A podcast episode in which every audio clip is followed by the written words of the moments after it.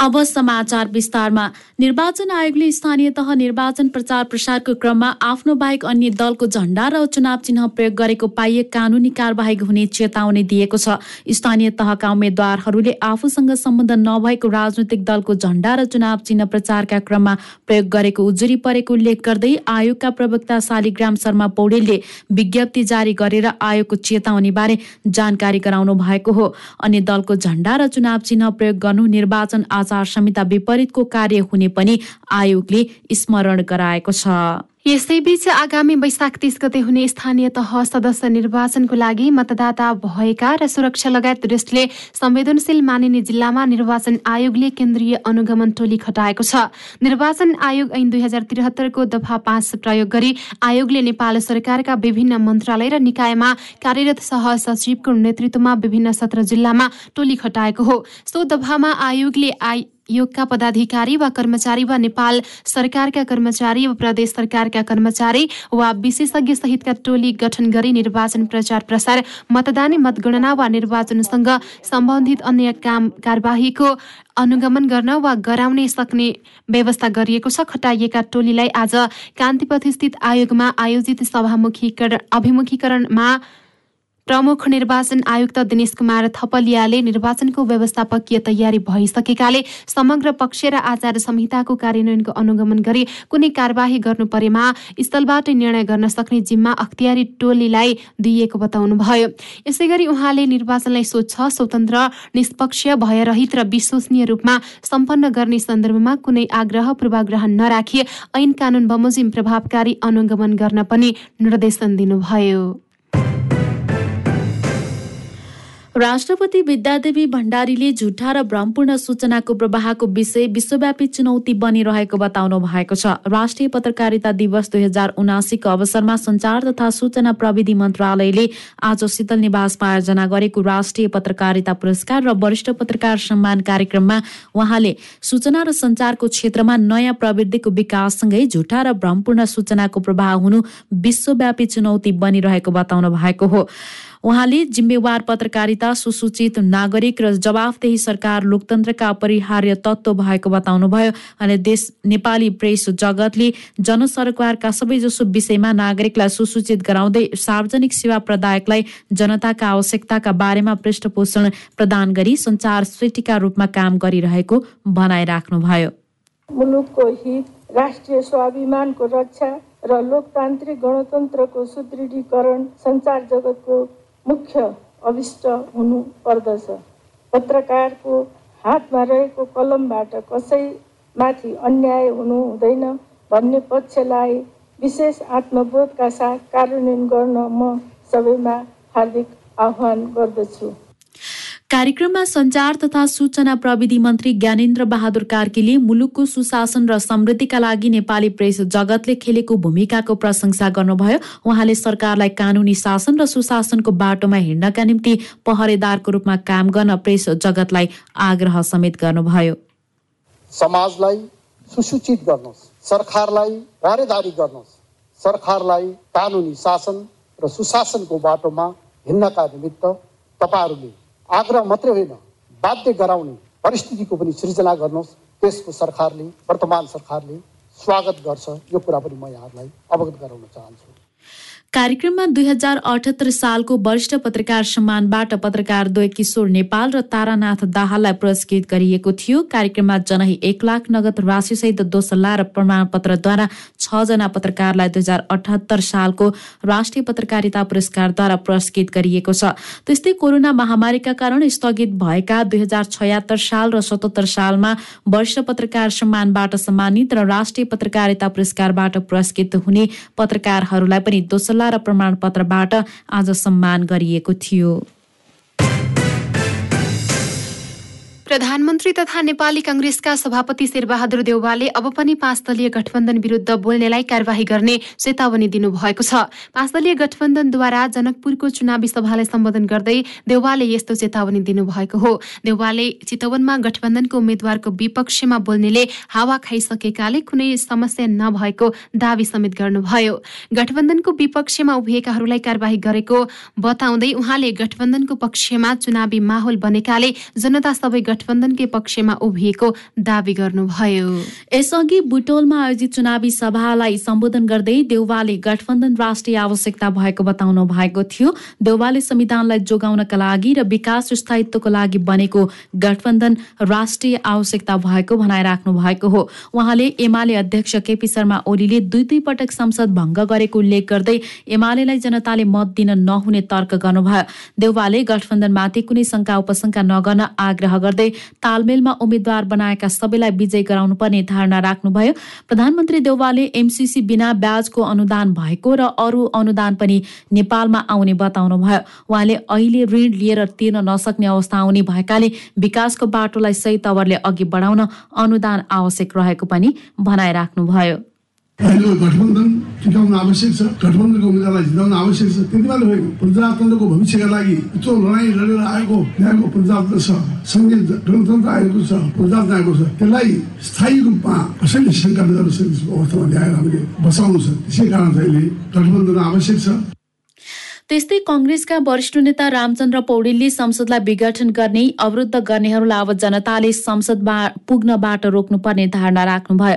मुलुकमा राजनैतिक स्थिरता चाहिएको भन्दै उहाँले राजनैतिक स्थिरता नहुँदा विकासका काम नै अवरुद्ध भएको उल्लेख गर्नुभयो। यो स्थानीय चुनावमा मात्रै होइन आउँदो संसदको चुनावमा पनि एक केपी ओली र उहाँका अनुयायीहरूलाई उहाँको समर्थनमा जाने मान्छेहरूलाई संसद चल्न नदिने मान्छेहरूलाई संसद भत्काउने मान्छेहरूलाई संसदमा जान जनताले अब दिन हुँदैन यही रोक्नुपर्छ। पौडेलले प्रगतिशील शक्तिहरूको साझा दस्तावेजको रूपमा संविधान निर्माण गरेको र देशलाई स्थिरतातर्फ लैजान खोजेको बताउनुभयो। नेकपा माओवादी केन्द्रका अध्यक्ष पुष्पकमल दाहालले नागरिकता विधेयक एमाले गुट नेकपा एमालेका कारण अघि बढ्न नसकेको बताउनु भएको छ। एमालेका सांसदहरूले सदन अवरोध गरिरहँदा विधेयक अघि बढाउन नपाएको दाहालको आरोप छ।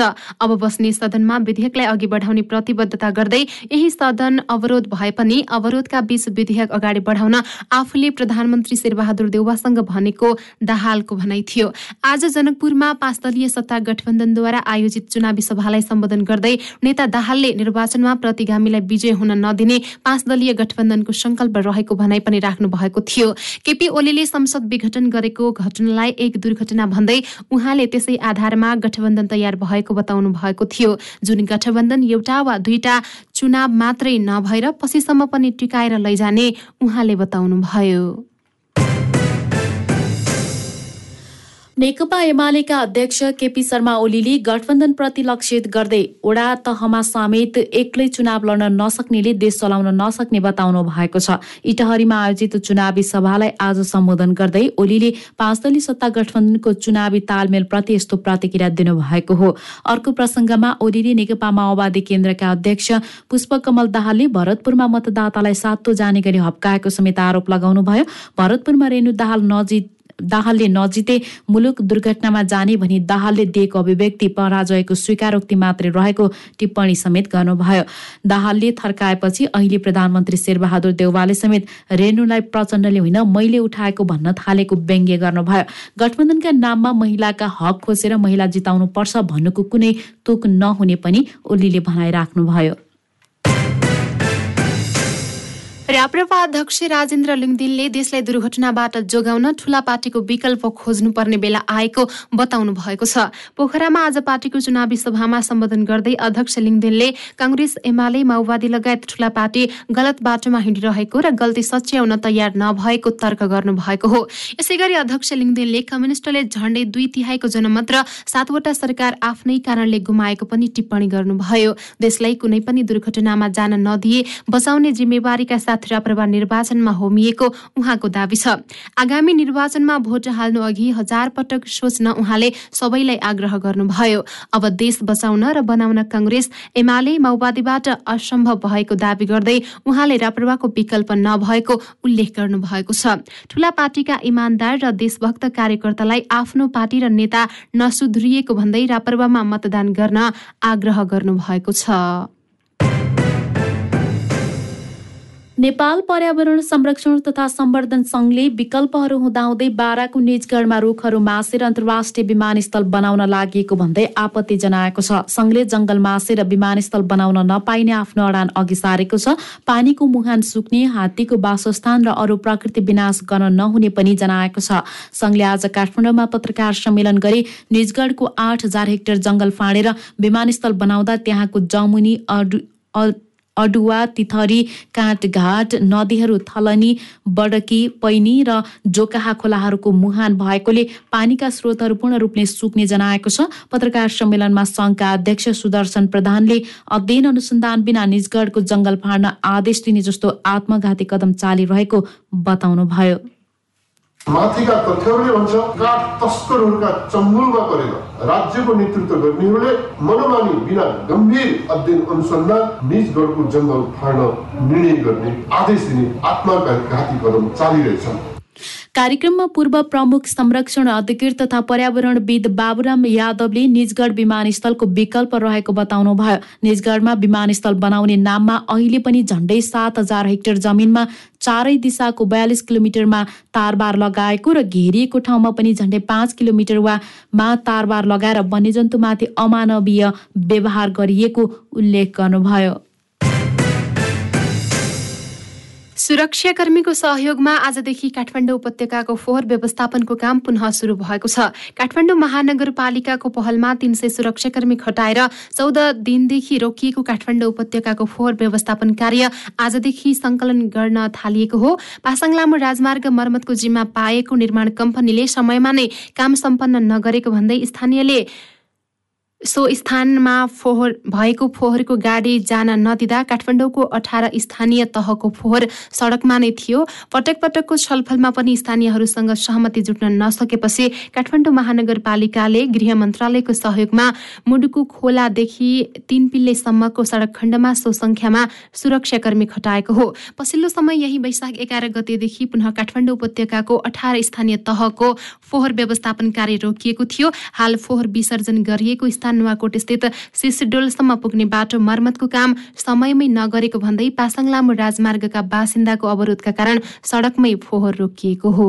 वैशाख तीस गते हुने स्थानीय तह निर्वाचनको लागि काठमाडौँमा नमुना मतदान गरिएको छ।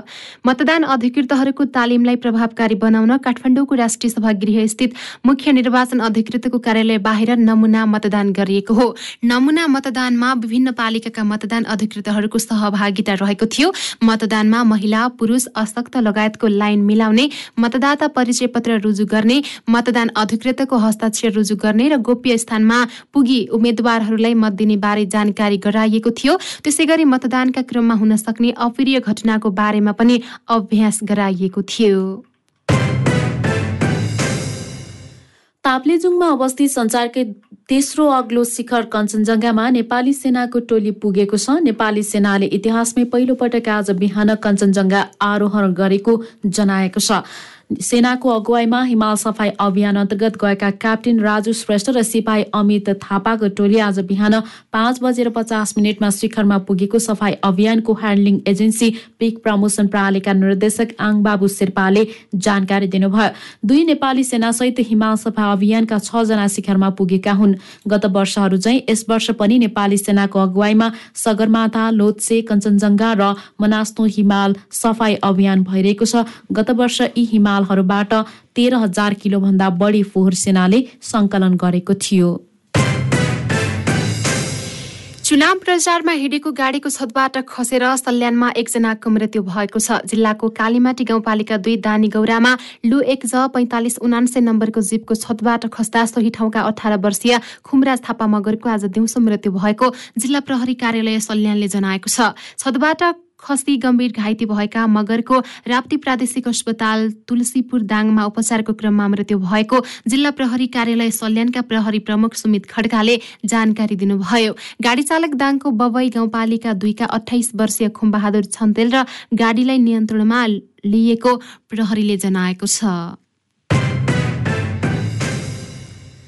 पछिल्लो चौबिस घण्टामा नेपालमा चौध जनामा कोरोना संक्रमण पुष्टि भएको छ। देशभर गरिएको एक हजार चार सय बिस पिसिआर परीक्षणमा एघार जना र एक हजार दुई सय छयानब्बे एन्टिजेन परीक्षणमा तीनजनामा संक्रमण पुष्टि भएको हो। आज एक्काइस संक्रमित संक्रमण मुक्त भएका छन्। हाल नेपालमा दुई सय पाँच सक्रिय संक्रमित आइसोलेसनमा रहेको स्वास्थ्य मन्त्रालयले जनाएको छ। मौसम पूर्वानुमान महाशाखाले आज राति देशका अधिकांश स्थानमा वर्षा हुने जनाएको छ। काठमाडौँ उपत्यका सहित देशका अधिकांश स्थानमा वर्षा हुने महासंघको भनाइ छ। काठमाडौँ उपत्यका सहित देशका धेरै ठाउँको मौसम बदली भएको भइरहेको महाशाखाले जनाएको छ। काठमाडौँ उपत्यकामा आज बिहानैदेखि घाम लागे पनि मध्याहपछि बिस्तारै मौसम धुम्म हुँदै गएको थियो। आज राति पनि देशका धेरैजसो ठाउँमा पानी पर्ने सम्भावना रहेको छ। आज बेलुकातिर प्रदेश नम्बर एक मध्य प्रदेश बागमती र गण्डकी प्रदेशका धेरैजसो ठाउँमा सामान्यदेखि मध्यम खालको पानी पर्ने सम्भावना रहेको छ। सप्तरीमा साथीको हत्या गरी फरार रहेका एक अभियुक्त एक वर्षपछि पक्राउ परेका छन्। अभियुक्तलाई प्रहरीले आज सार्वजनिक गरेको हो। सप्तरीको रूपनी गाउँपालिका एक रूपनी चोक बस्ने अडतिस वर्षीय मोनाजिर मियालाई पक्राउ गरी पत्रकार सम्मेलन मार्फत आज सार्वजनिक गरिएको हो। भारतबाट नेपाल प्रवेश गरेको सूचना पाएपछि जिल्ला प्रहरी कार्यालय सप्तरीबाट प्रहरी नायब उपरीक्षक माधव प्रसाद काफ्लेको नेतृत्वमा पुगेको टोलीले उनलाई बोधे बसाइनबाट पक्राउ गरेको जनाइएको छ। मियाले आफ्नै साथी सप्तरीको विष्णुपुर गाउँपालिका पाँच कट्टीटोल बस्ने पचास वर्षीय रामसुन्दर महतोको गत साल असोज आठ गते हत्या गरेको उजुरी जिल्ला प्रहरी कार्यालय सप्तरीमा परेको छ। महतोको सब सप्तरीको शम्भुनाथ नगरपालिका एक स्थित खाँडो खोला नजिक रहेको सार्वजनिक पोखरीमा फेला परेको थियो। डोटीमा हावाहुरीका कारण विद्युत सेवा अवरुद्ध भएको छ। बुडर इलाका प्रहरी कार्यालयका अनुसार आज दिउँसो आएको हावाहुरी तथा वर्षाका कारण डोटी र डडेलधुराको सीमा क्षेत्र हगुल्टेमा विद्युत खम्बा ढलेका कारण बुडर गैरा गोगनपानी खडिना रूपसकाँडा गोल्डेल लगायतका क्षेत्रमा विद्युत सेवा अवरुद्ध भएको हो। अवरुद्ध भएको विद्युत सेवा सञ्चालनको लागि बुडर तथा स्यावलेबाट विद्युतका कर्मचारी आज बिहानैदेखि खटिए पनि सेवा सञ्चालन गर्न नसकिएको बुडर स्थित विद्युत सब स्टेसनले जनाएको छ। यस साता जम्मा तीन दिन खुलेको शेयर बजार एक सय सत्र अङ्कले गिरावट आएको छ। सोमबार र बुधबार र बिहिबार खुलेको बजार तिनै दिन ऋणात्मक हुँदा बजार परिसूचक एक सय सत्र दशमलव पाँच सात अङ्कले घटेको हो। साताभर एक सय सत्र अङ्कले परिसूचक घट्दा बजार मापक दुई हजार दुई सय अडतिस दशमलव छ तिन अङ्कमा ओर्लिएको छ। साताको पहिलो दिन मे दिवसको विधामा बजार बन्द रहेको थियो। त्यसै मङ्गलबार मुस्लिम समुदायले मनाउने ईद पर्व प्रदा सरकारले सार्वजनिक विदा दिँदा बजार पनि बन्द रहेको थियो। साताको पहिलो कारोबारको दिन सोमबारमा बजार परिसूचक उनापचास अङ्क परिसूचकमा उनापचास अङ्कको गिरावट आएको थियो। सोमबार घटेको बजारमा बुधबारको कारोबारमा बढ्ने आशा गरेका लगानीकर्ताहरूलाई निराश पार्दै बत्तीस अङ्कले घट्न पुग्यो। साताको अन्तिम दिन बजार परिसूचक सैतिस अङ्कले घट्दा साताभर बजार निरन्तर घट्नु पुगेको हो। अर्थविद डाक्टर चन्द्रमणि अधिकारीले नेपालको कुल गृहस्थ उत्पादन जिडिपीमा कृषिको योगदान पन्ध्र प्रतिशतमा आए मुलुकमा ठूलो आर्थिक दुर्घटना हुने चेतावनी दिनुभएको छ। उहाँले यस्तो अवस्था आउन नदिनको लागि सरकारले आगामी वर्षको बजेटमा कृषि र रोजगारीलाई प्रमुख प्राथमिकतामा राखेर बजेट ल्याउनु पर्ने आवश्यकता रहेको सुझाव दिनुभयो। काठमाडौँमा आयोजित प्रतिष्ठापन बजेट कार्यान्वयन र आगामी बजेटमा प्राथमिकता विषय कार्यक्रममा बोल्दै डाक्टर अधिकारीले सरकारले प्रतिष्ठापन विधेयक मार्फत सरकारले जुन लक्ष्यका साथ प्रतिष्ठापन बजेट ल्याएको थियो त्यो लक्ष्य पूरा गर्न नसकेको दावी अधिकारीले गर्नुभएको हो। सरकारले मुलुकको अर्थतन्त्र सही दिशामा रहेको भने पनि अर्थतन्त्रका सूचकहरू हेर्दा अर्थतन्त्र सङ्कट उन्मुख नै रहेको अर्थविद अधिकारीले भनाइराख्नुभयो। नेपालमा खेतीयोग्य जमिनमा तीस प्रतिशत मात्रै सिँचाइको व्यवस्था भएको तथ्याङ्क सार्वजनिक गरिएको छ। नेपाल कृषि अनुसन्धान परिषदले आफ्नो एकतिसौँ वार्षिक उत्सवको अवसर पारेर आज काठमाडौँमा आयोजना गरेको पत्रकार सम्मेलनमा नेपालको खेतीयोग्य जमिन तीस प्रतिशत मात्रै रहेको जानकारी गराइएको हो। सञ्चित जमिन कम भएकाले पनि खाद्यान्न उत्पादन गर्न सहज अवस्था नरहेको परिषदका कार्यकारी निर्देशक डाक्टर दीपक भण्डारीले बताउनुभयो। उहाँले नेपालमा धान गहुँ र मकैको उत्पादन बढाउन सिँचाइ मल र प्रविधि प्रविधिको उचित व्यवस्था गर्न ढिलाइ गर्न नहुनेमा जोड दिनुभयो। परिषदले हालसम्म अस्सीवटा वस्तुबालिका सात सय तेइस जात विकास गरी कृषकको खेतबारीमा पुगेको पनि जानकारी दिएको छ। त्यसै गरी माटोको डिजिटल नक्साङ्कन सार्वजनिक गरिएको सुन्तला जुनार र कागतीलाई चिस्यान कोठामा तीन महिनासम्म भण्डारण गर्न सकिने प्रविधि भित्र्याउने प्रस्तावलाई अघि बढाएको पनि परिषदले जनाएको छ। मनाङमा दुई वर्षपछि पर्यटकको संख्या बढ्दै गएको छ। हिमाली जिल्ला मनाङमा गत वर्षको साउन महिनादेखि हालसम्म छ हजार भन्दा बढी युरोपियन पर्यटक भित्रिएको जनाइएको छ। अन्नपूर्ण पदमार्गमा पदयात्राका लागि करिब दस महिनाको अवधिमा जिल्लामा छ हजार पाँच सय चौरासी जना युरोपियन मूलका पर्यटक भित्रिएका छन्। युरोपियन देशमध्ये मध्ये पनि सबैभन्दा बढी फ्रान्सबाट आठ सय एक पर्यटक जर्मनबाट छ सय उनान्सय इजरायलबाट पाँच सय अन्ठानब्बे बेलायतबाट चार सय पैँतालिस र भारतबाट चार सय अठाइसजना पर्यटक भित्रिएको जनाइएको छ। क्यान्डिड न्युजमा अब अन्तर्राष्ट्रिय समाचार। विश्वका प्रमुख सात देश जी सेभेनका नेताहरूले युक्रेनका राष्ट्रपति भोलोदिमिर जेलेन्सिकीसँग छलफल गर्ने भएका छन्। भोलि ती देशका नेताहरूले राष्ट्रपति जेलेन्सिकीसँग छलफल गर्ने कार्यक्रम रहेको समाचार संस्था रोयटर्सले जनाएको छ। अहिले जी सेभेनको अध्यक्ष समेत रहेको जर्मनीले भिडियो कन्फरेन्स मार्फत बैठकको संयोजन गरेको जनाइएको छ। बैठकमा विश्वव्यापी समसामयिक विविध विषयमा सामान्य छलफल गरी मुख्य छलफल युक्रेन सङ्कटमा केन्द्रित हुने अधिकारीहरूले बताएका छन्। यसै गरी बैठकमा युक्रेनका राष्ट्रपति जेलेन्स्कीले देशको अहिलेको अवस्था र आवश्यकताका बारेमा जानकारी गराउनुहुने बताइएको छ। जी सेभेनका नेताहरू युक्रेनलाई सहयोग गर्ने र रुसलाई आक्रमण अन्त्यको लागि दबाव दिने पक्षमा रहँदै आएका छन्। सात राष्ट्रहरूमा अमेरिका सहित France German Canada Japan Italy Italy र बेलायत रहेका छन्। अफगानिस्तानमा तालिबान सरकारले महिलाहरूले सार्वजनिक स्थलमा अनिवार्य बुर्का लगाउनु पर्ने आदेश दिएको छ। तालिबान सरकारका सर्वोच्च नेता तथा प्रमुख हिबतुल्लाह अखुन्दजादले आज काबुलको एक समारोहमा आदेश पढेर सुनाउँदै महिलाहरूले सार्वजनिक स्थलमा शरीर ढाक्ने गरी अनिवार्य बुर्का लगाउनु पर्ने घोषणा गर्नुभएको हो। यदि सार्वजनिक स्थलमा बुर्का नलगाएको पाइए महिलाको परिवारका सदस्यलाई सजाय गरिने अखुन्दजादाले बताउनुभयो। त्यस्तै उहाँले यदि काम नभएको अवस्थामा घरमै बस्न महिलालाई आग्रह गर्नुभएको छ। बिस वर्ष अघि तालिबानको पहिलो शासन सत्तामा पनि महिलामाथि कडा प्रतिबन्ध लगाउनुका साथै बुर्का अनिवार्य गरिएको थियो। यता अन्तर्राष्ट्रिय समुदाय तथा मानवाधिकार सङ्घ संस्थाले भने अफगानिस्तानको सो नियमको विरोध गर्ने आकलन गरिएको छ। क्यान्डिड न्युजमा अब खेलकुदका समाचार।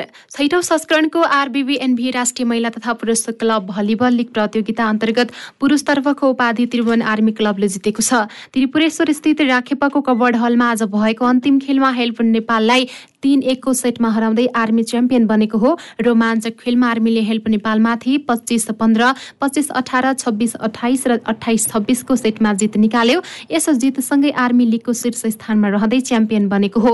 आर्मीले छ खेलमा अठार अङ्क जोडेको छ। हेल्प नेपालले छ खेलमा चौध अङ्क जोड्यो। हेल्प नेपाल दोस्रो स्थानमा रहेको छ। उपाधिसँगै आर्मीले छ लाख नगद प्राप्त गरेको छ। हेल्प नेपालले तीन लाख प्राप्त गर्यो। तेस्रो भएको नेपाल पुलिसले एक लाख पचास हजार र चौथो एपिएफले पचहत्तर हजार प्राप्त गरेको छ।